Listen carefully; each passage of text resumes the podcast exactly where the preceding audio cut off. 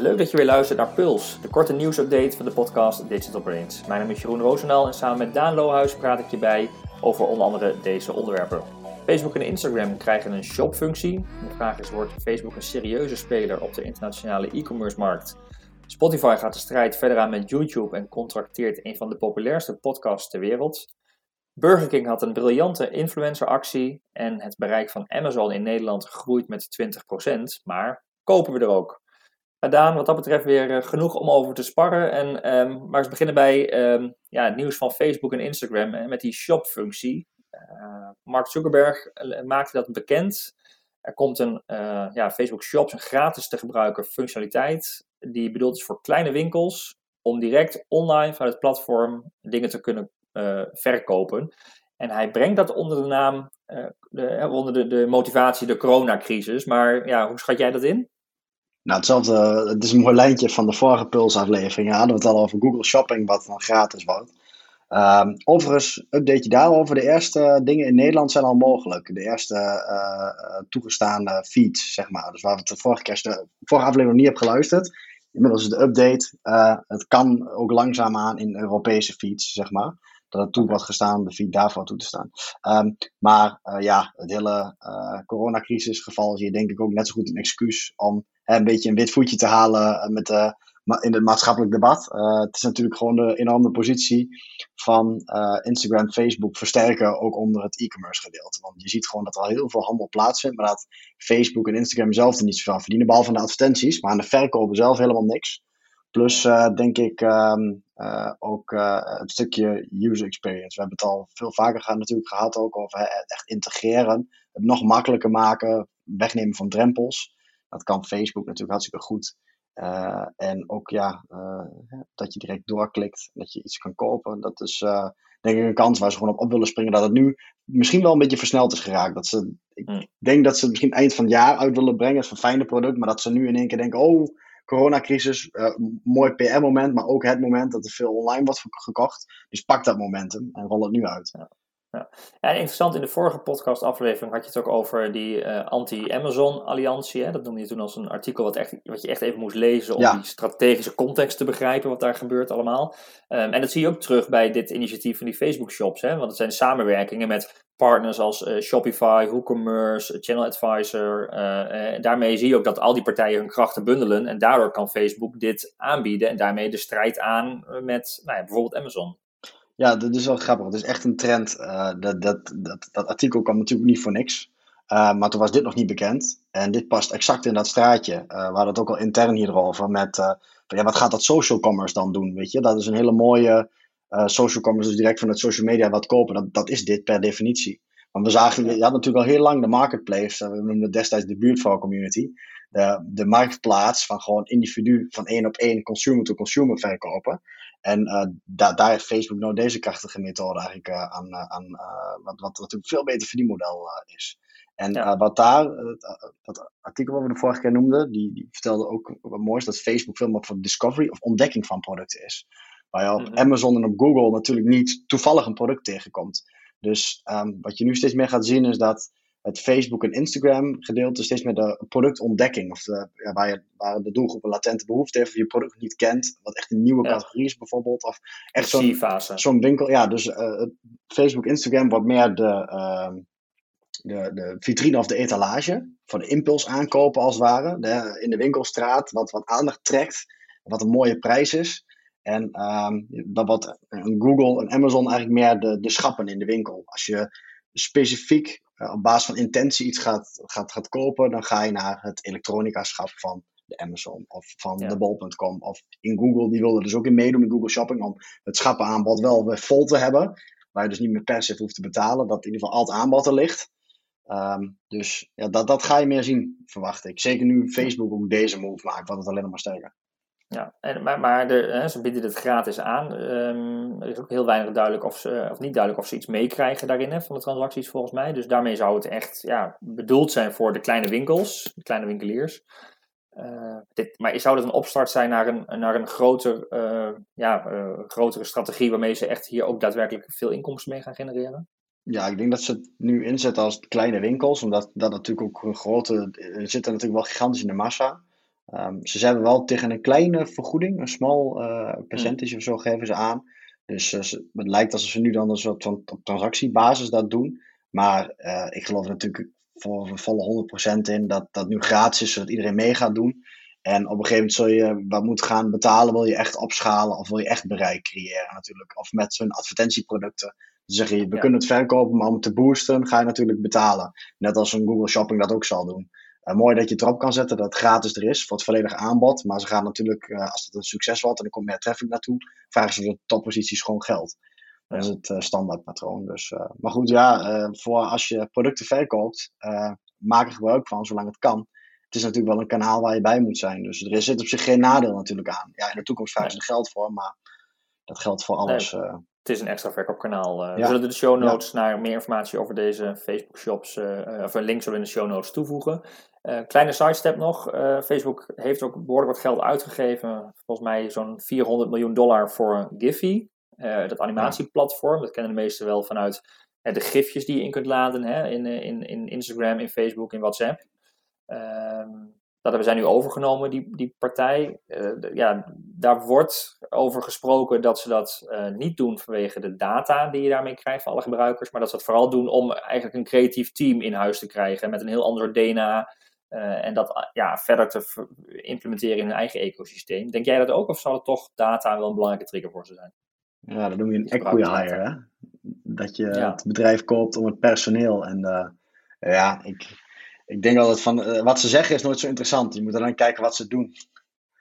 en ik ben wel benieuwd. Ik denk dat het uiteindelijk ook wel gaat om de integratie met data. Van waar worden gifjes gedeeld. En gewoon inzicht te krijgen. En misschien ook wel, en daar geloof ik dat deel wel in, dat het gaat om het team en de cultuur. Um, ik denk dat Facebook best wel wat jongere cultuur kan gebruiken. Giphy komt natuurlijk heel erg uit, um, uit de generatie X, sorry, generatie Z cultuur verder, waar ook Snapchat en waar Facebook van oudsher natuurlijk wat minder sterk is. Ze hebben allemaal dingen gejat en gekopieerd van Snapchat en Instagram, daar hebben we het ook al vaak over gehad. En echt originele ideeën bedenken, uh, daar is Facebook altijd heel slecht in geweest. Denk aan alle apps die al de Facebook graveyard liggen, zeg maar. Gefaalde mm. Snapchat-kopieën en, en het, ja, ze, ze krijgen hun dingen gedaan met kopietjes, maar nooit echt iets origineels. En dit past weer in dat straatje. Ze moeten Giphy overkopen om toch weer met die gifjes origineel te zijn, iets nieuws creatief te hebben. En echt een TikTok-achtig iets, dat, dat presteren ze gewoon elke keer niet.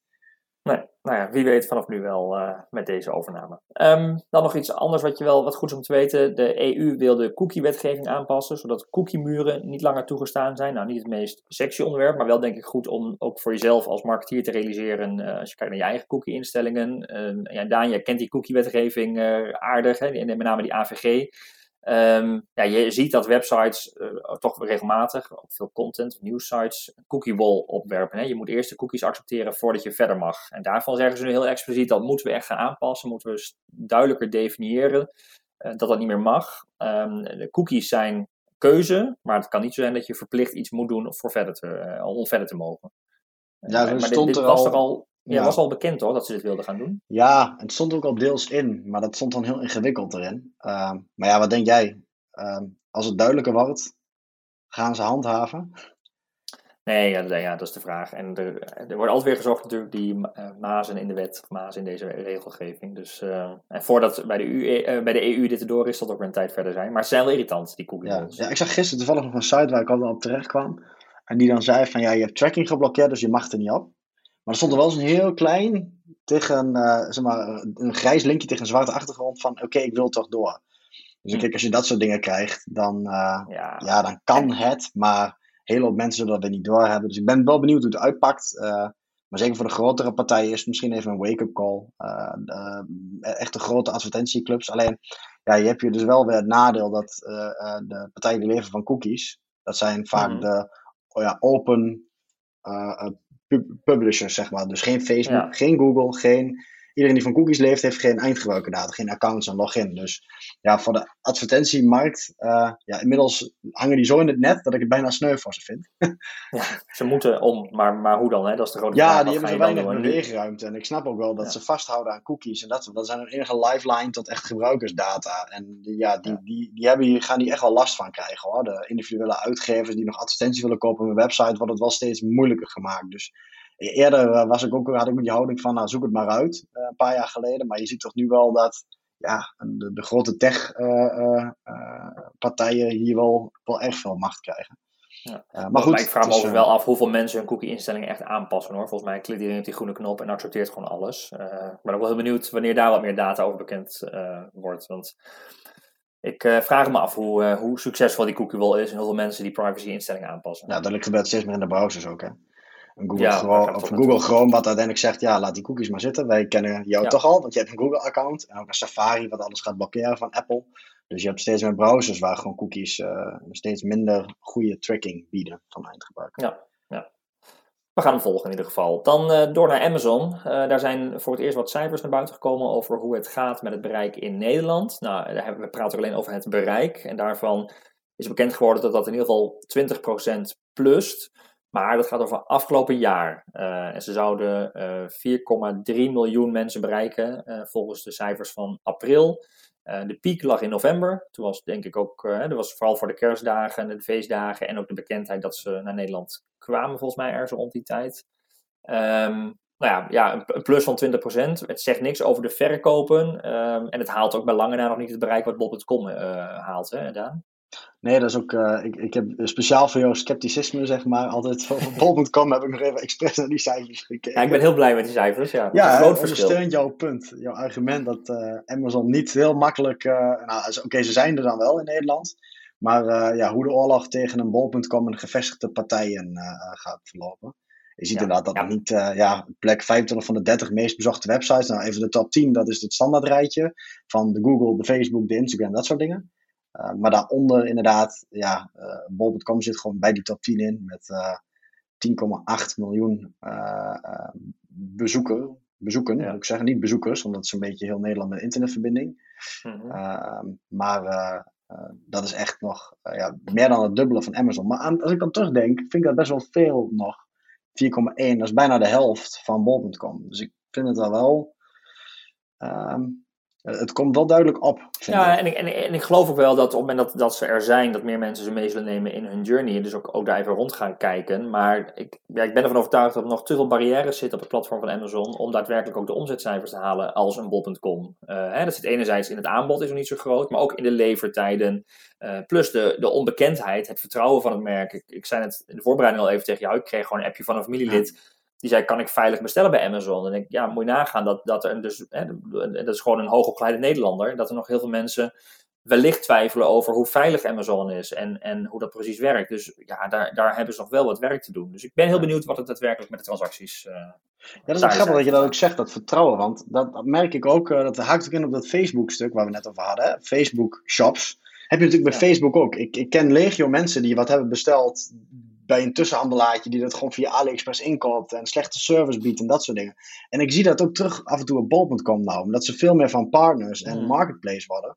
Is dat als je daar wat bestelt, dat het niet betekent dat het 100% top is. Dus ze moeten best wel wat doen aan de return policies en dat je ook uh, in de reviews discussies ziet weer met, uh, met de wederverkopers, zeg maar. Dus dat je ja. Reviews lage sterretjes heeft omdat het het product niet deed en dat dat dan niet worden, dat dan bol.com uiteindelijk tussen beiden moet komen om het op te lossen.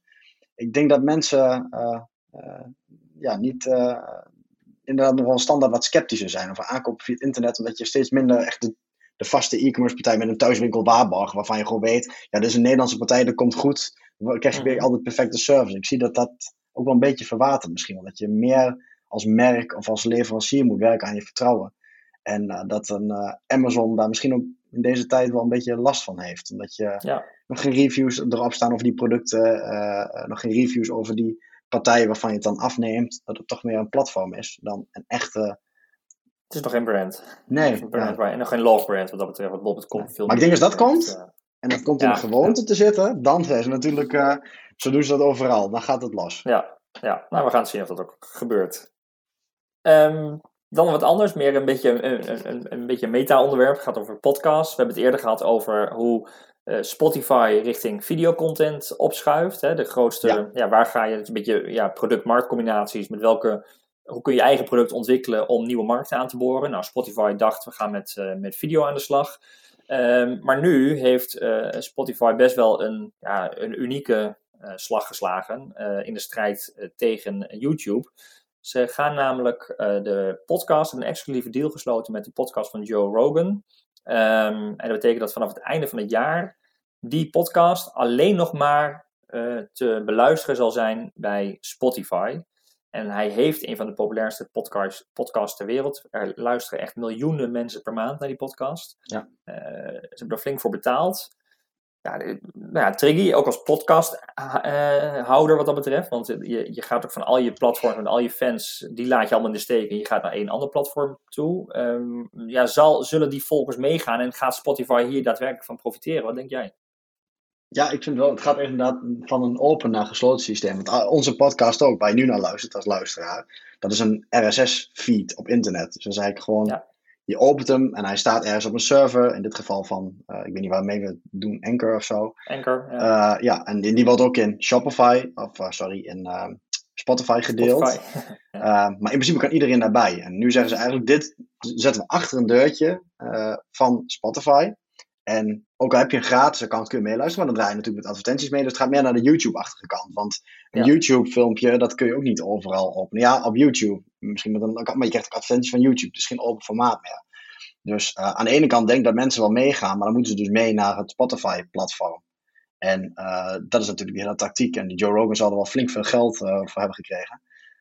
Want hij is echt heel groot. Ik weet niet, van mensen die Joe Rogan niet kennen, Um, er was toen ook een keer dat Elon Musk met een joint uh, zat bij een podcast. Dat was dus bij hem. Oh ja. Uh, misschien is dat iets uh, waar je aan kan denken. Maar hij heeft echt de echt, um, hele bepalende mensen ook als gast. Er schuiven echt ja. ja behoorlijk prominente figuren aan uit, uit van allerlei plekken. En, maar interessant is wel, dat was inderdaad met, hè, dan zie je ook dat de video heel spraakmakend daaromheen is. Spotify kennen we nu als audioplatform, we hebben het de vorige keer over gehad, ze gaan met video. Ik ben heel benieuwd of dit dan ook de podcast, of die in video terug gaat komen bij Spotify. Ja, nou, ik denk dat dit een onderdeel van is. Want Joe Rogan heeft wel echt ook op YouTube dus uh, die, die, die, die volgers veel. En die zijn ook gewend om naar het gesprek te kijken, zeg maar. Ja. Dus het is een opgenomen podcast, maar wel heel erg op YouTube. Dus ik, het is een beetje 1 plus 1, een beetje een puzzeltje wat je de vorige keer miste. Van, goh, wat, wat voegt dat toe? Nou ja, dan kun je dus creators van een YouTube afhalen. Die daar met gesponsorde advertenties, die kun je een, een ander publiek bieden op een, uh, op een Spotify. Dus dan wordt het een oorlog van of, ja, of je aan Spotify zit gelinkt of aan YouTube. Um, ik kan me alleen voorstellen dat Spotify veel meer betalende gebruikers heeft dan YouTube op dit moment met YouTube Premium. Dus dat zij die Joe Rogan meer kunnen bieden dan uh, YouTube die het alleen met advertenties moet doen.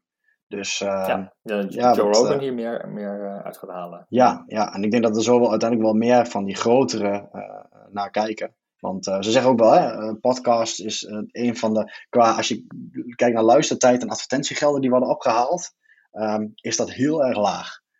Ja. en dat was eerder ook zo voor, in, voor internet in het algemeen. Maar YouTube heeft het opgelost, Facebook heeft het opgelost door advertentiemodellen. Dus iedereen is er wel over eens van ja, dat moet op een andere manier gebeuren dan het open systeem. Wil je echt ook um, er geld mee verdienen. En ja, Shopify, Spotify is wel in de positie om dat te doen. Dus ja. uh, wel heel interessant. Wel, gaat het eind van het jaar uh, gaat hij het echt opheffen. Hè? Dus nu ja. laat hij nog even op YouTube staan. Dus in december ja, ben ik heel benieuwd wat er gebeurt. Ja. ja, en het is denk ik goed om je als marketeer te realiseren dat als je bezighoudt met influencer marketing, uh, waar je veel hè, op YouTube of, of ook met advertising op YouTube, dat je zo meteen zult gaan zien dat dit soort publiekstrekkers, hè, uh, massa, uh, ja, ja, eigenlijk bijna massamedium, verschuift naar ook een Spotify. Dus dat Spotify ook in je channelstrategie wellicht een onderdeel, een groot onderdeel moet gaan worden om doelgroepen te bereiken. als, als er meer van dit soort namen gaan switchen en letterlijk gewoon niet meer op YouTube zo meteen te vinden zijn. Dus ook hun achterban is daar niet meer te vinden. of minder goed te vinden. Dat je daarmee ja, toch het platform Spotify mee moet nemen in je, in je strategie. Ja, als de strategie van uh, Spotify slaagt, wordt het ook een advertentieplatform. Waar je dus ja. uh, een goede doelgroep kan bereiken. Dat is ja. wel de stappen natuurlijk die ze aan het maken zijn. Uh, omdat ja, op het gratis gedeelte. Uh, ik denk dat Spotify wel veel nieuwe gebruikers ermee gaat trekken. Die in eerste instantie misschien ook advertenties luisteren. Ja, dus, ja. Nou, interessant wat het gaat doen. We gaan dat ook volgen. Ehm, dan nog kom ik een leuke Burger King influencer actie tegen. Uh, jij had hem helemaal niet gezien volgens mij, hè? Je, hebt hem ook nog niet uh, Nee, maar gelezen. ze hebben er niet voor betaald, hè? Ze hebben er niet voor betaald en dat vond ik het, het grappig eraan. Um, en, en het even meenemen, in één keer vanuit het niets ging Burger King oude tweets en andere posts die tien jaar oud waren, zeg maar, daar gingen ze in één keer liken. Ehm, en dat deden ze bij influencers, bij mensen met een groot bereik. Mhm. Ehm, en die gingen volgens zich afvragen, ook op hun eigen platform, van jee, uh, dankjewel uh, Burger King voor je like, maar dit is wel tien jaar te laat, hè? tien jaar nadat ik het gepubliceerd heb. Ehm, en ook allemaal onderling ontstond een soort bus van, ja, maar waarom gaat Burger King in één keer tien jaar later mijn tweets uh, liken? en ook als je terugkeek bij uh, wat Burger King de laatste periode geliked heeft. Allemaal tweets van tien jaar geleden. exact tien jaar geleden? Of? Nee, ja, ja, eh, zeg maar jaartal 2000, of een jaartal tien jaar geleden. Niet per se de data, maar wel het jaar uh, tien jaar geleden. Um, en er ontstond dus een hele bus met de grote vraag: wat is Burger King in godsnaam aan het doen? Waar, wat is er aan de hand? Wat is er met hun strategie aan de hand? Uh, nou, en die gingen elkaar beïnvloeden en, en, kijken of bij elkaar ook gebeurde. En nou, zo ontstond die hele bus. en uiteindelijk met heel veel, ja, heel veel spanning van waarom doen ze dit. En uiteindelijk uh, publiceerde uh, Burger King een uh, tweet met Some things from 2010 are worth revisiting, zeg ik dat goed? Ja, um, like your old tweets. En dan ging het om dat zij een oud product, ik ken het zelf niet, maar de funnel cake fries, die ze nu opnieuw introduceren voor een limited time. Dus oh ja. voor een korte tijd mocht je die, kun je die weer, zijn die weer in een assortiment beschikbaar. Uh, en die aandacht en die tweet is bijvoorbeeld heel erg veel weer uh, verspreid. Ja, dat was de verklaring. Dan, de verklaring was, ja. Het, uh, ja, ja. ja. Dus ze hebben, zonder geld hebben ze gewoon heel veel bus gecreëerd op social door ja, oude tweets waar ze in genoemd werden te liken. Vooral van influencers of mensen met een groot bereik. Die begonnen erover te, zich af te vragen, wat gebeurt hier, waarom doen ze dit? Toen kwam het antwoord, nou dat was de boost. En inmiddels wisten heel veel mensen dus dat dit product weer opnieuw in het assortiment was. Ja, oké, cool. Er is een artikel kunnen teruglezen op Medium, hè? om daar even wat ja. uh, linkje in de show notes. Op Medium zie je screenshots, zie je voorbeelden, zie je toelichting, maar leuk, uh, wel slim bedacht uh, hoe ze dat gedaan hebben. Ah, cool. Tot slot um, nog een vraagstuk rondom reviews bij bol.com en Coolblue. Daar deelde iemand op LinkedIn, Arie van Dusseldorp, dat hij twee exact dezelfde reviews zag, bij, zowel bij Bob.com als bij Coolblue, voor hetzelfde product, um, geplaatst, of in ieder geval rondom eenzelfde aankoopdatum. Um, en dus dezelfde persoon die dat deed. En de vraag ja, de was, en de grap was ook, die persoon daaronder, die kwam hemzelf op LinkedIn tegen. Die zei, hé, hey, dat is mijn review. maar hoe kan dat? Want ik ben die persoon en ik kocht het niet voor mijn vrouw. Het was ook, het verhaal was wat verdraaid. Dat je iets had van, hé, hoe, hoe, hoe kan dit nou? Dus dat, dat, dat bericht op LinkedIn kreeg heel veel tractie. Van iedereen vond het super grappig natuurlijk. Van hey, twee reviews en de review zelf is er ook nog bij. Die snapt er ook niks van. Ja. En, en de vraag is, ja, zijn dit nou fantasie-reviews? Worden reviews van elkaar gescreept? Hè? Dus als, je, als iemand bij Coolblue een review plaatst, neemt bol.com hem gewoon over dan. Um, hè? De vraag was, ja, hoe, hoe, ja wat, wat gebeurt er in die reviewwereld? Um, nou, veel onduidelijkheid. En Bol.com heeft zelf wel gereageerd. Inmiddels uh, zag ik onder de post. Um, zij zeggen dat zij in ieder geval niet scrapen. Um, en hoe dat vanuit Coolblue zit, weten ze dan niet. Uh, maar ze noemen dat wel onwaarschijnlijk. Uh, en er bestaat wel binnen review het land het concept van doorplaatsen, waarbij de bron altijd vermeld dient te worden. Dat is ook niet gebeurd. En ja, hij zegt, in dit geval is dat Maurice Jongerius, de manager van shoppingplatform van Bob.com, die zegt het lijkt echt een menselijke handeling. Uh, misschien via een geautomatiseerd script. Maar iemand die echt op twee plaatsen een review geschreven heeft. Er zijn nog niet heel veel meer andere voorbeelden gekomen dat het op grote schaal uh, gebeurt. Maar wel leuk om even naar te kijken uh, in deze case. Ja, want um, dat, dat um, het review schrijven, dat doen natuurlijk individuele handelaren wel verschrikkelijk veel. Want je bent afhankelijk van die reviews, zeker goede reviews. En ik zie ook wel eens vaker op bol.com dat je denkt, nou, ik ken gebruikers op het internet, die schrijven het niet op die manier, zeg maar. Dat is gewoon, dan kun je zien, voelen dat het niet authentiek is. En uh, je hebt op Amazon, uh, zeker ook in Duitsland, waar wij natuurlijk ook wel eens mee te maken hebben met, uh, als advice met klanten die ook een Amazon Marketplace allemaal in Duitsland doen. En daar is reviews, en zeker fake reviews, daar is echt een hele markt aan het ontstaan, die heel erg lijkt op ook wat, wat eerder ook altijd in SEO of in linkbuilding gebeurde, zeg maar. Ja. Dat de hele uh, ja, mensen uit India voor uh, een tientje tien reviews voor je schrijven. Ja, en van de zijn ze clickfarms ja, naar reviewfarms bijna. Hè? Ja, en dan allerlei gekke omwegen met uh, dat er dan uh, het account van iemand wat ja, jij bijvoorbeeld bestelt en dan gaat iemand uh, op jouw naam ja. zeg maar, namens mij als verkoper vraag ik dan iemand anders om een review namens jou achter te laten. Ja. wel met, dan kan je een platform aantonen van, goh, ja kijk, dat is wel een echte klant. Maar ondertussen heeft iemand anders een review voor jou geschreven, zeg maar. En ehm, dat is wel, eigenlijk is mijn conclusie dat bol.com dat niet helemaal onder controle heeft. En dat ze dat heel snel onder controle moeten gaan krijgen. Want Maurice geeft eigenlijk indirect aan. Hij zegt een beetje, ja, wij schreven het niet. En ja, nu bestaat het concept van doorplaatsing, maar nu lijkt het een menselijke handeling. Nou, als het menselijke handeling, als het al mogelijk is op deze manier, dan weet ik zeker dat iemand daar bordjes voor schrijft en daar geld aan verdient. Ja. Dus uh, dat ze dat niet helemaal onder controle hebben. Dus ja, zeker als je ook zelf verkoopt bij de bol.com, is het wel interessant om te gaan verdiepen in hoe dat reviewland eruit ziet. Want dat, daar zit een ja, heel naar je eigen ja, kijk kritisch naar je eigen reviews, hè, waar die vandaan komen. Hou dat goed in de gaten. En ik denk als consument, ja, neem ook niet alle reviews maar klakkeloos serieus. Nee, kijk heel nee, de kwaliteit van de reviews. Ja, ja. ja. Oké, dat was hem weer. De show notes van deze aflevering vind je op uh, advice.nl slash podcast. En heb je tips, vragen, reacties of ideeën voor onze podcast? Laat het dan weten via podcast.advice.nl. Uh, en wil je trouwens nieuwe afleveringen niet missen? Abonneer je dan op deze podcast in je favoriete podcast-app of via Spotify of YouTube. Voor nu bedankt voor het luisteren en graag tot de volgende aflevering.